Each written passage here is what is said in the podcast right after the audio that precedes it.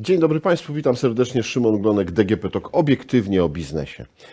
Proszę Państwa, witam w cyklu podcastów, e, w których e, rozmawiamy o bankowości, o historii przemian gospodarczych w Polsce i o tym, jaki na to wpływ, a jak już ci, którzy słuchali czy widzieli nasze poprzednie rozmowy, e, miał Krzysztof Pietraszkiewicz, mój gość. Dzień dobry, witam Panie Prezesie. Dzień dobry, witam. No, przeszliśmy już przez ten etap wczesnego rozwoju. E, w poprzednim odcinku e, opowiedział Pan o tym, jak e, w 1991 roku powstał bankowy rejestr klientów czasowo niewywiązujących się z zobowiązań, co było ogromną bolączką, bo przypomnijmy, 35% kredytów było zagrożonych tym, że nie będą spłacone. No więc pieniądze tych, którzy przekazali je bankom jako oszczędności, no, były zagrożone tym, że ktoś, kto wziął kredyt, e, nie spłaci, więc z powrotem tych oszczędności osoba e, je przekazująca bankowi mogła nie odzyskać. Trzeba pamiętać, że wysoka inflacja deformuje bardzo mocno różne relacje gospodarcze. Jeśli na to się jeszcze nakłada niesprawność systemów płatniczo-rozliczeniowych, jeśli na to się nakłada jeszcze no, spadek, upadek właściwie dyscypliny płatniczej, bo, bo jest sytuacja ratuj się kto może w warunkach kryzysowych, no to rzeczywiście tutaj można powiedzieć egzystencja była naprawdę zagrożona y, gospodarki naszego kraju, naszego społeczeństwa w różnych miejscach. I dlatego te działania reformatorskie, takie unowocześnienie musiały być podjęte, podejmowane w różnych miejscach. Także właśnie w bankowości. Bankowość musiała zapewnić sprawny system płatniczo-rozliczeniowy i nie transfer pieniądza 5 tygodni czy 4 tygodnie, tylko najwyżej 2 dni, a teraz jak trzeba kilka minut czy kilka godzin. Podobnie jest newralgicznym takim elementem dla działalności bankowej, dla uprawniania działalności bankowej, ale nie tylko. Jest informacja gospodarcza. Dla banków jest to sprawa krytyczna. Rozpoznać, czy klient jest wiarygodny, czy rzeczywiście ma zdolność kredytową, czy nie grożą mu jakieś sytuacje bardzo trudne. I trzeba było, rozpoczynaliśmy od tego, czy mamy do czynienia z klientem, który czasami kogoś tam innego banku nie oszukał. I w związku z tym najpierw ten bankowy rejestr. Po paru kwartałach zaczęliśmy pracować nad zrębami nie tylko, czy mamy negatywną informację o kliencie, ale jak wygląda pozytywna informacja, po to, żeby ten klient, zaciągając zobowiązania w tym samym czasie w kilku instytucjach finansowych, nie przekredytował się. Gdzie później, to też było zabezpieczenie klienta, żeby był w stanie spłacić swoje zobowiązania. Do, dokładnie tak. Proszę pamiętać, nadal na banku spoczywa obowiązek zapewnienia bezpieczeństwa depozytów, yy, które są używane do udzielania kredytów, ale jest także i obowiązek myślenia o tym i czasami zwrócenia klientowi uwagę na to, że idzie w złym kierunku. Ja miałem wiele rozmów z klientami, którzy przychodzili i mówili: Bank nie chce mi udzielić kredytu. No, a był pan w innym banku? Tak, byłem, też nie chcą mi udzielić kredytu. A, a był jeszcze pan? Tak, byłem w pięciu. Wszyscy mówią, że nie, są, nie, nie udzielą mi kredytu. Ja mówię, może wie pan, może rzeczywiście ten biznes, który chce pan robić, jest niemożliwy do, do zrealizowania. No bo jak trzy, cztery, pięć różnych instytucji, ale bywało tak, że, bywało tak, że ktoś przychodził i mówił, nie chcą mi udzielić kredytu to proszę pójść do innego banku. I w innym banku, inny bank ocenił, e, przyjmując inne e, parametry albo żądając dodatkowych zabezpieczeń, udzielał takiego kredytu. Więc wszyscy żeśmy się uczyli, ale jednocześnie budowaliśmy system coraz lepszy pod względem jakości e, informacji o klientach. Zresztą w tym bankowym rejestrze, który no, niektórzy nazywali czarną listą, Dlatego nazwaliśmy rejestr klientów czasowo niewywiązujących się ze zobowiązań. To nie był rejestr od razu dyskwalifikujący klienta. Przez całe życie. Y, y, I nie przez całe nawet życie, tylko to był rejestr, który zwracał uwagę na to, że musisz udzielając kredytu nawiązać kontakt z innym bankiem, który już wcześniej temu klientowi udzielił kredytu i zastanowić się, czy dalsze kredytowanie jest, jest możliwe. Jaki jest problem z tym klientem? A pamiętajmy, że sytuacje mogły być różne, bo były takie czasy w tamtym okresie, kiedy w jednym banku oprocentowanie kredytu było 14-16%, ale w innym banku było 10%. I niektórzy klienci szli do tego banku kolejnego, gdzie było niższe oprocentowanie, żeby ewentualnie spłacić tamto poprzednie oprocentowanie. To były od czasu do czasu takie przypadłości i myśmy nie mogli od razu dyskwalifikować e, klientów. Zresztą e, klienci, ten, ten rejestr odpowiadał rzeczywistości, że czasami ktoś nie mógł się wywiązać ze zobowiązań czasowo, bo na przykład jego kontrahent nie zapłacił, ale ten kontrahent nie zapłacił w ciągu dwóch, trzech miesięcy, ale po pięciu miesiącach zapłacił. Zresztą muszę powiedzieć, zachęcam tutaj badaczy, tak, na marginesie jeszcze na moment, wracając do Izby Rozliczeniowej. Co się zmieniło w gospodarce, kiedy pieniądz zaczął szybciej krążyć? Nie krążył pięć tygodni czy cztery tygodnie, nie, nie biegał, tylko zaczął krążyć dwa dni, a później kilka godzin. To jest całkowicie inna gospodarka. Proszę mi wierzyć, nagle wielu klientów z, odkryło, że mamy pieniądze na koncie. No przedtem to płacił nam miesiąc, a teraz płaci trzy dni albo tydzień. No to, była, to były te takie cuda w, w naszej gospodarce. Warto to, to badać i opisywać. Ale teraz wracam.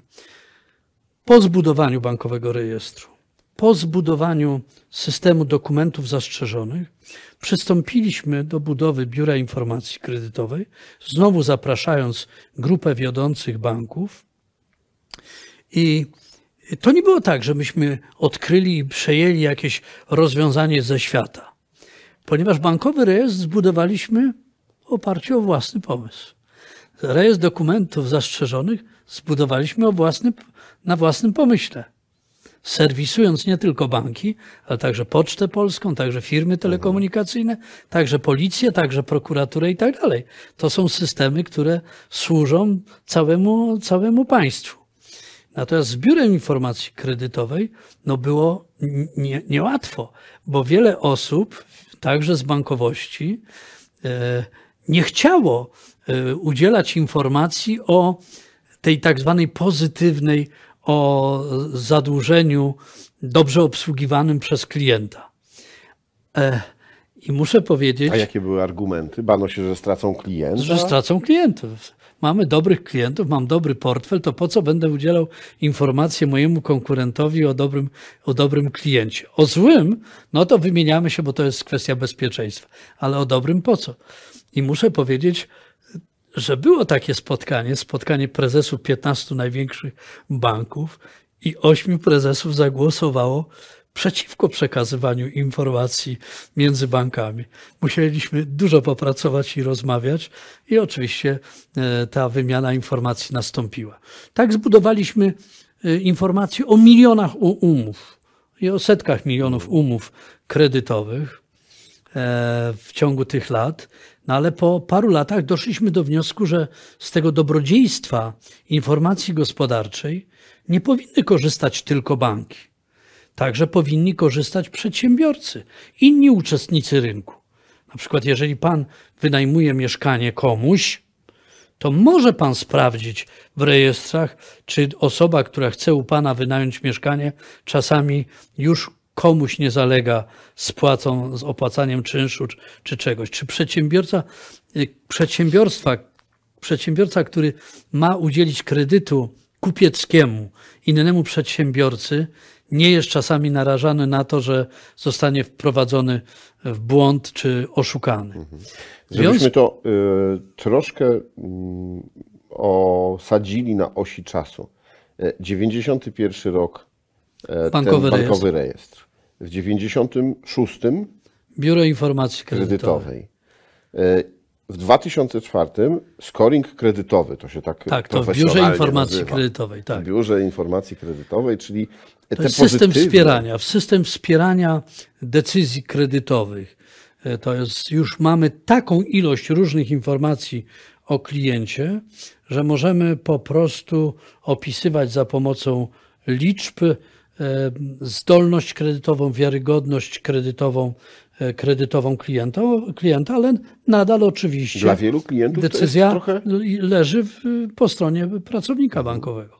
dla wielu klientów to jest trochę mityczne, takie owiane tajemnicą, e, że klient jest e, mm, oceniany albo co ma wpływ na tą ocenę naszej zdolności kredytowej. Czy tam są jakieś takie magiczne rzeczy, o których nie mówi się?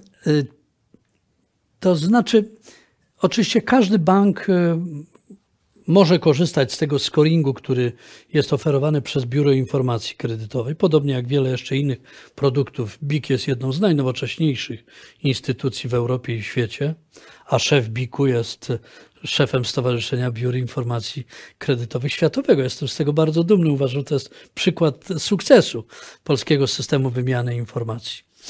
Y, Rzeczywiście podam z mojego doświadczenia w PKO BP.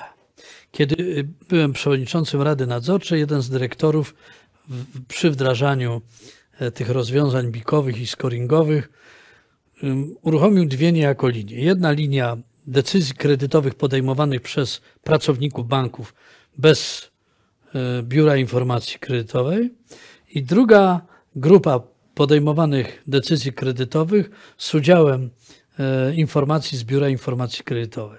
No po iluś tam miesiącach przyszedł do mnie i powiedział, panie przewodniczący, muszę pana poinformować, że wyniki co do jakości portfela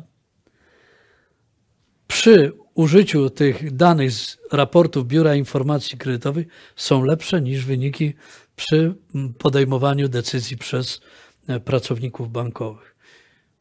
Oczywiście to nie były rozbieżności jakieś kosmiczne, ale to pokazuje tylko na to, wskazuje na to, jak ważna jest informacja i bazująca na pewnym większym tle, bo przecież scoring e, dokonuje się na podstawie pewnych większych zasobów informacyjnych.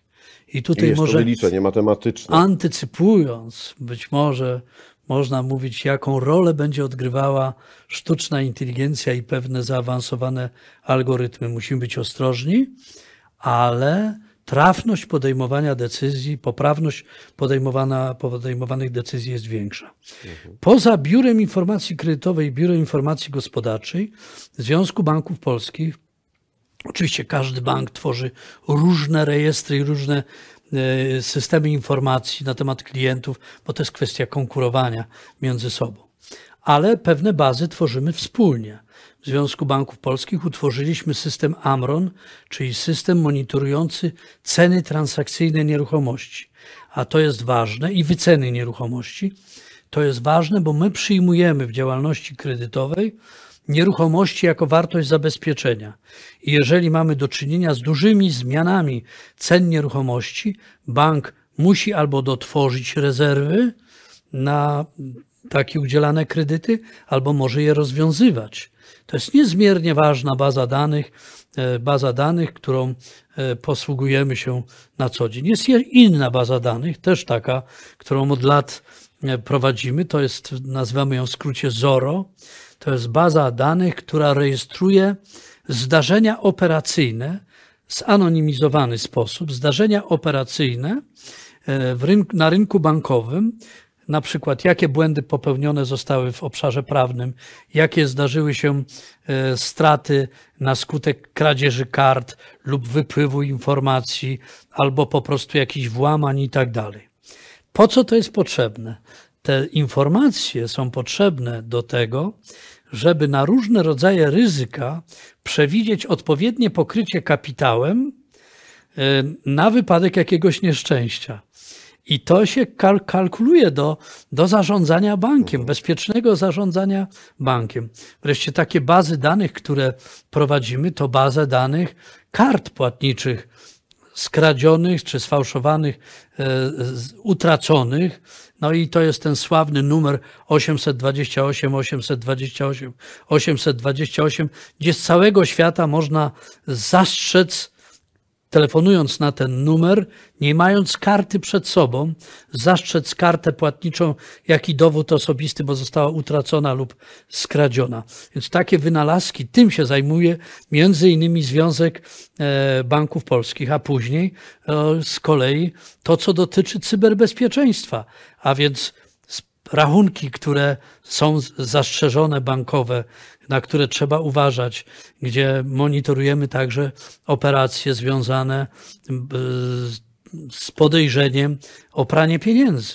No to są obowiązki wynikające z ustaw, ale także do tego jest potrzebna współpraca międzybankowa, bo bez współpracy międzybankowej i z firmami międzybankowymi, takimi jak Biuro Informacji Kredytowej czy Krajowa Izba Rozliczeniowa, nie bylibyśmy w stanie tego wszystkiego po prostu uczynić. No ale po drodze mieliśmy przecież Polkart, firmę, która, e, firmę, która zajmowała się rozliczeniem w transakcji płatniczych kartowych. Chciałbym tutaj podkreślić ogromną rolę dwóch organizacji międzynarodowych kartowych, z którymi współpracowały wszystkie banki, Visa i Mastercard. One przyprowadziły wiele nowoczesności do polskiego rynku w tych obrocie e, elektronicznym i chwała, chwała im za to, za to. To dzięki temu mogliśmy instalować te 20 tysięcy bankomatów, a dzisiaj szczycimy się, że mamy kilkadziesiąt milionów kont e, rachunków bankowych dostępnych przez internet. Dumni jesteśmy z inicjatywy prezesów wiodących banków na czele z prezesem tutaj Jagieło, Stypułkowskim, e, Brunonem Bartkiewiczem, ale, ale także e, e, Przemysławem Gdańskim i innymi prezesami zbudowanie Bliku. No to Blik jest mistrzostwem świata. To jest to, co będzie niewątpliwie przyszłością o tym polskiej, też będziemy jeszcze, polskiego systemu płatniczo-rozliczeniowego. O tym też jeszcze będziemy mówić. No właśnie, myślę, że w następnych odcinkach, kiedy porozmawiamy o tym, gdzie dzisiaj jesteśmy i gdzie, jak się możemy rozwijać, w, którą, e, w którym kierunku. E, ja jeszcze tylko wrócę do tego, o czym Pan już trochę powiedział. 2013 e, to jest ten moment, kiedy Biuro Informacji Kredytowej otwiera nowy portal, tak, w którym my możemy skorzystać z tych wszystkich informacji, sprawdzić swoją E, historię, swoją wiarygodność kredytową w stosunku do banku, jeśli chcielibyśmy ubiegać się o kredyt, ale też naszych kontrahentów, e, czy tak jak Pan powiedział, osoby, które chcą wynająć od nas mieszkanie. E, czy te wszystkie bazy danych, czy te wszystkie informacje, które są tam przekazywane, są bezpieczne i nie służą, nie mogą posłużyć no, komuś, kto będzie chciał nam zrobić krzywdę, jeśli chodzi właśnie o nasze finanse, naszą bankowość. To bardzo dziękuję za to pytanie, bo ono wymaga ode mnie pewnego komentarza. Ujawnienie tajemnicy bankowej przez pracownika banku lub przez bank dotyczące jakiegokolwiek klienta jest zagrożone ogromnymi sankcjami ekonomicznymi i odpowiedzialnością karną. W związku z tym ja muszę powiedzieć, że jestem dumny z tego, że właściwie z takimi przypadkami nie mieliśmy do czynienia. A banki świetnie potrafią chronić informacje. Oczywiście zdarzyły się tu i ówdzie jakieś przypadłości, ale wtedy bardzo szybka e, interwencja, mamy odpowiednie procedury, żeby przeciwdziałać po prostu jakiemuś nieszczęściu. E, również trzeba powiedzieć, że w bankach to nie jest tak, że wszyscy w banku mają dostęp do wszystkich informacji na temat klienta czy klientów. Nie, są określone, są określone, można powiedzieć, e, obszary, E, które, do których mają dostęp tylko określeni, określeni pracownicy, po to, żeby można było stwierdzić w przypadku czegokolwiek, e, kto zawinił, czy kto nie dochował należytej staranności. E, systemy informatyczne w bankach są wielokrotnie testowane i muszę powiedzieć, że sukces taki technologiczny polskiej bankowości także jest związany z tym, że od powstania Związku Banków Polskich i tej nowoczesnej bankowości, my cały czas współpracowaliśmy i współpracujemy z wieloma wiodącymi firmami technologicznymi w Polsce i w świecie. To jest prawda i, i mogę dzisiaj powiedzieć, że z tych wewnątrzkrajowych e, firm ASECO jest taką firmą, która, e, które, e, i to często prezes Góral podkreśla, naprawdę wyrosło na współpracy z bankami. Można by powiedzieć firma Comp, firma Novum i inne, inne jeszcze firmy, ale także wiele firm międzynarodowych.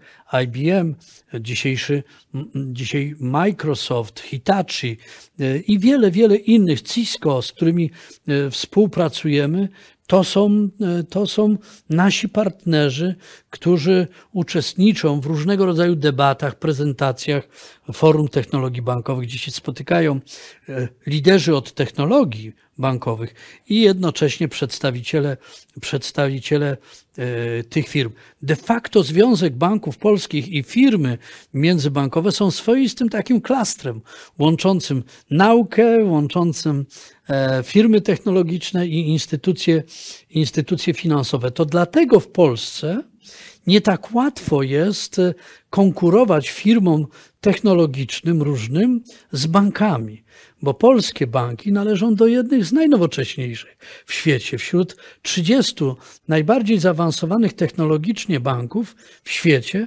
kilka banków to są banki po, polskie. I w tym sensie, wracając do poprzedniego pytania, czy byliśmy takim e, królikiem doświadczalnym, może polem doświadczalnym.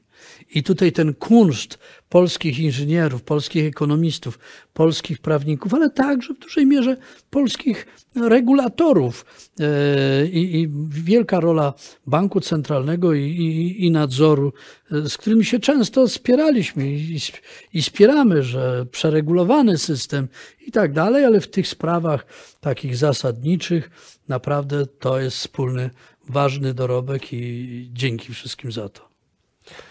Panie prezesie, serdecznie dziękuję za e, kolejne, e, kolejną garść, e, a, a może i nawet encyklopedię informacji na temat banków, bankowości i tego, jak ten system się rozwijał.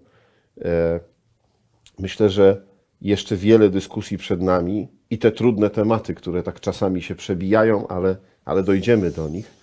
E, moim Państwa gościem w podcaście DGP Talk obiektywnie o biznesie e, był pan e, Krzysztof Pietraszkiewicz, wieloletni prezes Związku Banków Polskich, a rozmawiał Szymon Glonek.